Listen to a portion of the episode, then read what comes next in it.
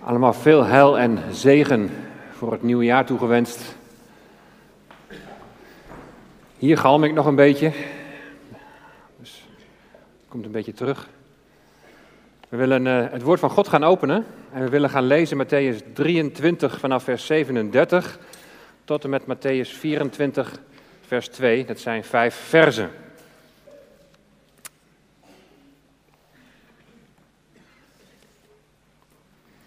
Matthäus 23 vanaf vers 37.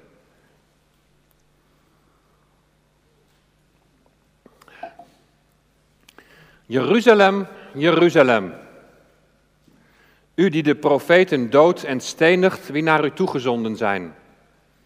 Hoe vaak heb ik uw kinderen bijeen willen brengen op de wijze waarop een hen haar kuikens bijeenbrengt onder haar vleugels. Maar u hebt niet gewild. Zie, uw huis wordt als een woestenij voor u achtergelaten. Want ik zeg u, u zult mij van nu af aan niet zien, totdat u zegt, gezegend is hij die komt in de naam van de Heere. En Jezus ging weg en vertrok uit de tempel en zijn discipelen kwamen naar hem toe om hem op de gebouwen van de tempel te wijzen. Jezus antwoordde en zei tegen hen, ziet u dit alles? Voorwaar, ik zeg u, hier zal niet één steen op de andere gelaten worden die niet afgebroken zal worden. Je begeeft je op glad ijs. Eigenlijk een beetje dubbel, hè, want ijs is altijd glad. Je begeeft je op glad ijs. Nou, ik denk dat jullie die uitdrukking wel kennen. En anders kun je je er misschien wel iets bij voorstellen. Als je zo het ijs opstapt, dan ga je stapje voor stapje heel voorzichtig want voordat je het weet, ga je onderuit. Voordat je het weet, bezeer je je. Je begeeft je op glad ijs als je gaat spreken over de eindtijd.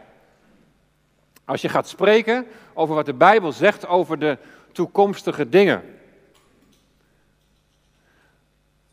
Er zijn ook heel wat voorgangers en sprekers die dit onderwerp mijden omdat ze hun vingers er niet aan willen branden. Ook weer zo'n zo'n uitdrukking. En de reden is dat er zoveel verschillende visies zijn met betrekking tot de eindtijd. Met betrekking tot datgene wat nog gaat komen. Maar wel mooi om zo aan het begin van het jaar met elkaar daarover na te denken en te kijken wat zegt Gods woord nou over de toekomst? Wat ligt allemaal nog voor ons? Er zijn sprekers die zeggen, nou ik hou me liever bezig met waar ik vandaag wat aan heb, wat in het hier en nu relevant is. Maar als je profetieën laat liggen, als je de toekomstige dingen laat rusten, dan laat je wel een heel groot gedeelte van de Bijbel laat je rusten. Want het overgrote deel van de Bijbel gaat over profetieën. Heel veel gaat over wat, wat Gods woord zegt over de toekomst. Dan laat je dus wel een heel groot gedeelte van de Bijbel in de rust als je je daar niet in gaat verdiepen. Is dat dan de bedoeling? En hebben al die andere dingen die, die ook zo mooi zijn om daar aandacht aan te besteden, hebben die dan geen relatie met hoe God zijn plan ten uitvoer gaat brengen?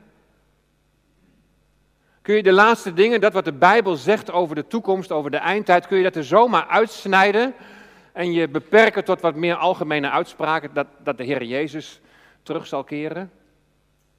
Ik ben er echt van overtuigd dat, dat je visie op de eindtijd, op de komst van de Heer Jezus, dat je visie op de uitvoering van Gods plan en het feit dat jij daar onderdeel van bent en dat wij daar onderdeel van zijn, dat het heel bepalend is voor hoe je nu in het leven staat, hoe je nu functioneert en, ook niet onbelangrijk, hoe je de rest van de Bijbel uitlegt. Ik verschillende preken heb ik het gehad over dat grote en dat kleine plaatje. Als je zicht krijgt op dat grote plaatje van Gods plan, en dan gaat het niet over allerlei kleine details, maar als je toch wat zicht krijgt op dat, op dat grote plan van God, dan komen je omstandigheden in het hier en nu komen in, andere, in, komt in een ander daglicht te staan. Het argument van voorgangers dat ze zich niet bezighouden met de eindtijd, maar zich liever bezighouden met dat wat in het hier en nu relevant is, dat houdt voor mij geen stand. En ik zal daar drie redenen voor geven.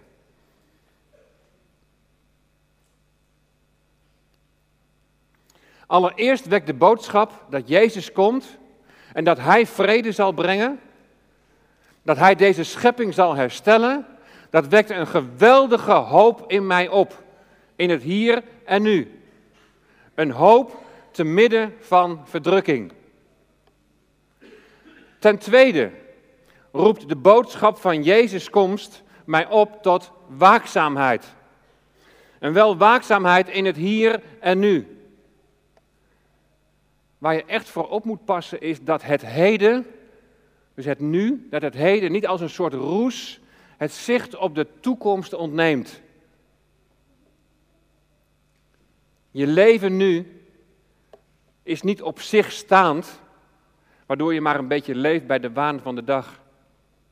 Maar het is een voorbereiding op je ontmoeting met de Heer Jezus. Nogmaals, je bent onderdeel van de uitvoering van Gods uiteindelijke plan, omdat jij onderdeel bent van het lichaam van Christus. En dat alles is gericht op Zijn eer en op Zijn verheerlijking. Zou dat geen invloed hebben op, op je zijn hier en nu? Zou dat geen invloed hebben op de keuzes die je nu maakt? Waaraan jij je tijd besteedt of waaraan je het juist niet wil besteden? Ten derde, roept de boodschap van Jezus' komst mij op tot werkzaamheid.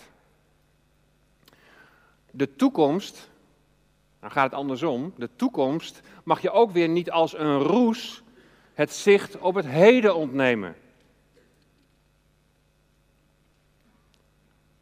Dus de toekomst mag je ook weer niet als een roes het zicht op het heden ontnemen. Je hebt ook mensen die alleen maar aan het puzzelen zijn met de profetieën en de toekomstige dingen en geen oog meer hebben voor het leven hier en nu. Het verstaan van Gods plan, dat voor de mens uitmondt in gered worden of verloren gaan, dat zet je in beweging om het evangelie te delen. Door woorden en door daden. Met andere woorden, je moet de toekomst en de relevantie voor het hier en nu moet je niet tegen elkaar uitspelen. Hoop, waakzaamheid en werkzaamheid. Drie argumenten om het juist wel over die toekomstige dingen te hebben. Over de laatste dingen te hebben. En dan zul je ook zien dat, dat je zicht op de toekomst, dat het invloed gaat hebben op het hier en nu, op je functioneren nu. We beginnen in het Matthäus-evangelie, en dan allereerst hoofdstuk 24, die ook wel de eindtijdreden van de Heer Jezus wordt genoemd. En eindtijd, ja, wat, wat is het eigenlijk? Naar aanleiding van bijvoorbeeld Hebreeën 1, vers 1 zou je kunnen zeggen dat de laatste dagen zijn begonnen vanaf de eerste komst van de Heer Jezus. Daar staat namelijk, God heeft in deze laatste dagen tot ons gesproken in de Zoon. De eindtijd zou je kunnen definiëren als de tijd vanaf Jezus' eerste komst. Andere teksten die wijzen op Pinksteren, de uitstorting van de Heilige Geest, tot het moment dat Hij weer zal komen. Dan bestrijkt de eindtijd nu dus al een periode van, van zo'n ruim 2000 jaar. De laatste dingen, de laatste dagen. Maar wat wij over het algemeen met de eindtijd bedoelen, en daar wil ik het ook met jullie over gaan hebben de komende tijd, dat is de tijd vlak voor Jezus komst. En dan is de vraag, leven wij nu, anno 2018? Ja, maar nog even een beetje aan wennen misschien. Ik heb met het opschrijven me af en toe al wel weer een keertje vergist. Maar anno 2018, geloven we dan dat wij leven in de eindtijd en geloven we dat Jezus spoedig zal komen?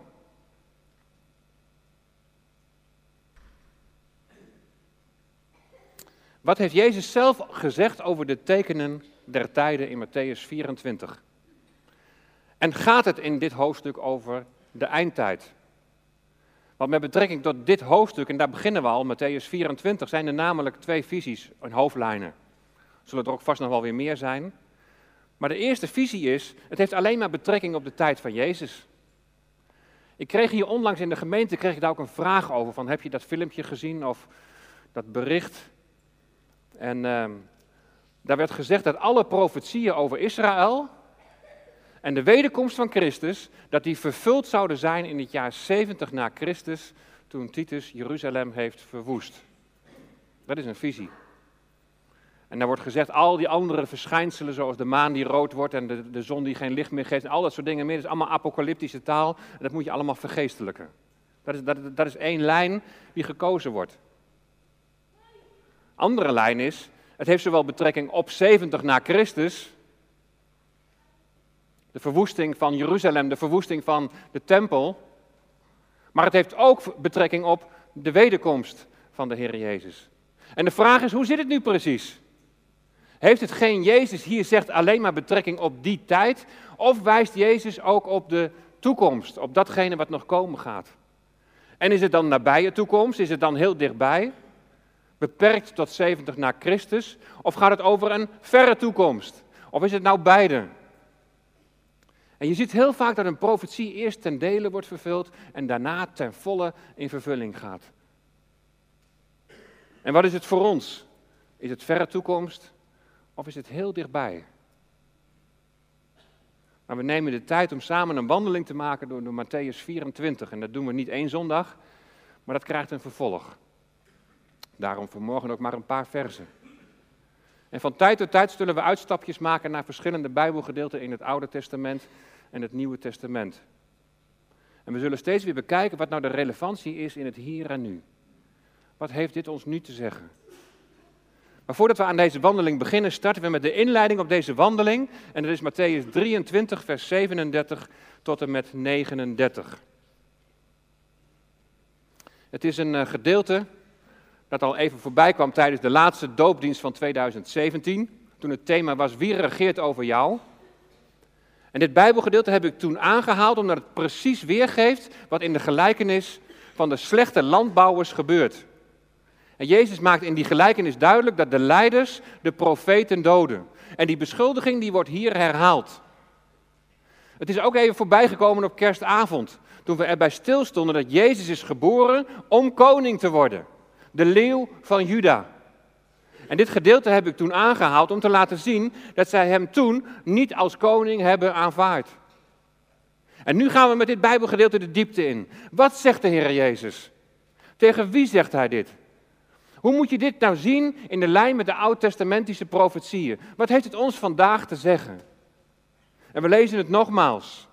Jeruzalem, Jeruzalem, u die de profeten dood en stenigt wie naar u toegezonden zijn. Hoe vaak heb ik uw kinderen bijeen willen brengen op de wijze waarop een hen haar kuikens bijeenbrengt onder haar vleugels. Maar u hebt niet gewild.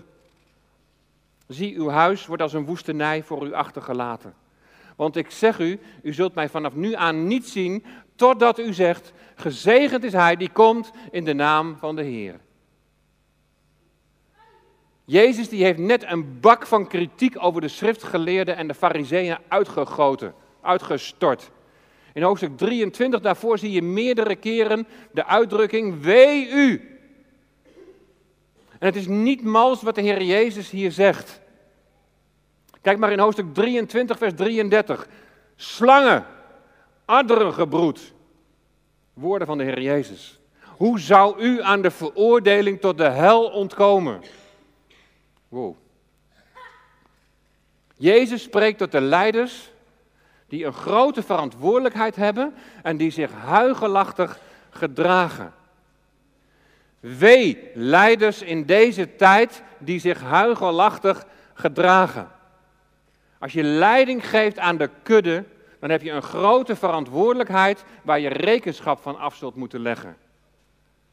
En nou leven wij met elkaar in een tijd van grote gezagscrisis. En dat wordt enerzijds wordt dat veroorzaakt door de leiders zelf, leiders die, die huigelachtig zijn, die uit zijn op macht, die bezig zijn om zichzelf te verrijken. Wat dat betreft is er in 2000 jaar niet zo heel veel veranderd. En anderzijds is het de, de mens die bij voorbaat al het gezag van anderen niet meer aanvaardt. En dat is ernstig. Als je gezag dat door God is ingesteld niet erkent, loopt dat ten diepste parallel met de rebellie van Satan vanaf het begin. En ten diepste is, opstand, is het opstand tegen het gezag van God. Jeruzalem, Jeruzalem in de opening van deze klaagzang, want zo, zo mag je het eigenlijk wel noemen, richt Jezus zich tot de inwoners van Jeruzalem. Vertegenwoordigd door de religieuze leiders die eerder in dit hoofdstuk werden bekritiseerd.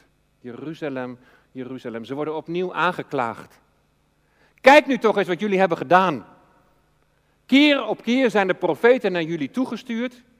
De profeten die riepen het volk op. Die riepen de leiders op om terug te keren tot hun God. Om terug te keren tot gehoorzaamheid aan Hem.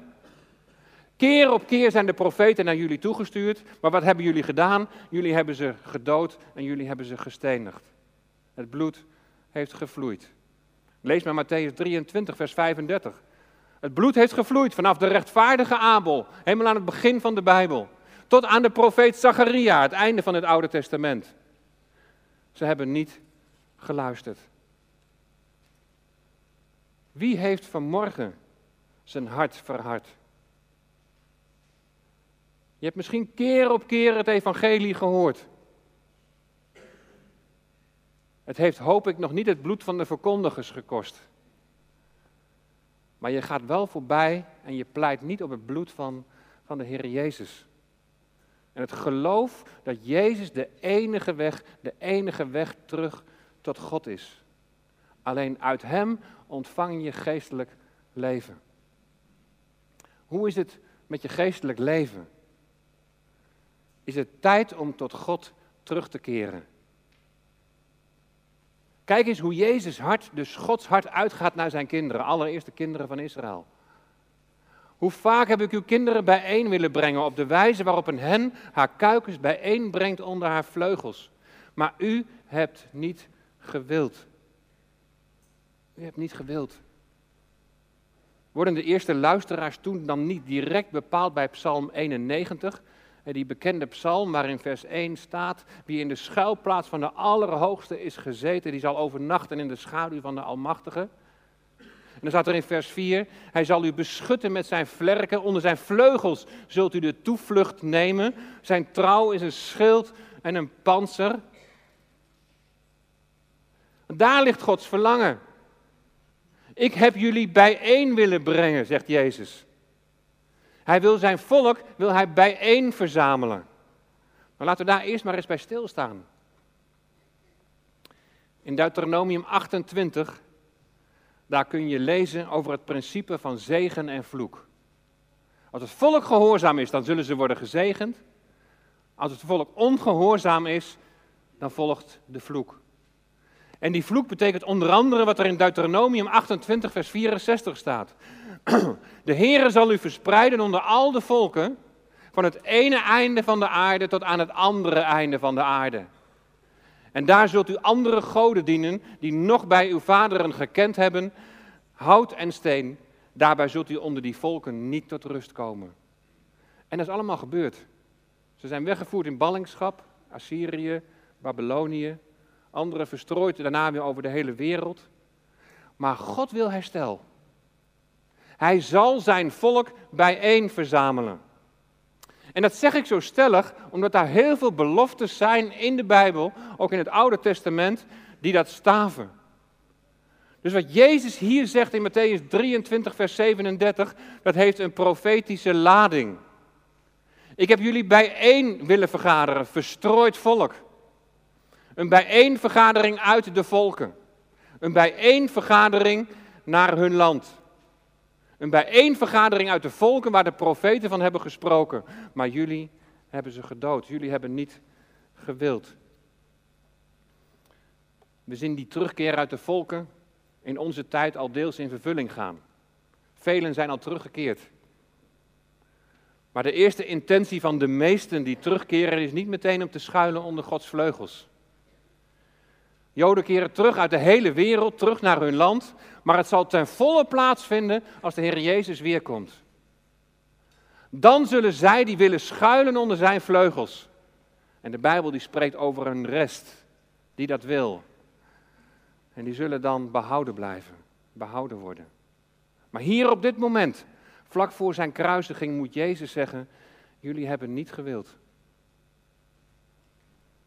De profetie van bijeenvergadering gaat nog niet in vervulling, omdat ze de koning afwijzen. De wijze waarop Jezus dit verwoordt doet ons naast profetie ook denken aan de zogenaamde wijsheidsliteratuur van de Bijbel. Dat zijn de boeken Job, en spreuken een prediker. Bijvoorbeeld in Spreuken 1, vers 30, daar staat: Ze hebben mijn raad niet gewild. Al mijn bestraffingen hebben zij verworpen. En zie je de overeenkomst met Matthäus 23? De raad van de profeten niet gewild. Gods bestraffingen verworpen. En de Heeren verwerpen, dat heeft hele grote gevolgen. Lees maar verder vanaf vers 31 in Spreuken 1. Ze zullen van de vruchten van hun weg eten en verzadigd worden van hun eigen opvattingen. Want de afvalligheid van de onverstandigen zal hen doden en de zorgeloze rust van de dwazen zal hen ombrengen. Maar wie naar mij luistert, die zal veilig wonen. Hij zal vrij zijn van angst voor het kwaad. We zien precies hetzelfde zien we gebeuren in Matthäus 23. Het verwerpen van de profeten is de raad van God verwerpen en dat heeft grote gevolgen. We hebben dat gelezen in vers 38. Zie, uw huis wordt als een woestenij voor u achtergelaten. En het huis waar Jezus van spreekt, dat kan zowel betrekking hebben op de tempel, maar het kan ook zijn dat hij de stad bedoelt, de stad Jeruzalem. Zie, uw huis wordt als een woestenij voor u achtergelaten. En de tempel, het geestelijk centrum van het volk. Symbool voor het geestelijk leven. En Jeruzalem, de stad van de grote koning. De stad die God uitverkoren heeft om te regeren. Het geestelijk centrum, daar waar ik wil wonen, zegt God. Daar waar ik had willen wonen, zal als woestenij voor u worden achtergelaten. Jullie hebben niet gewild.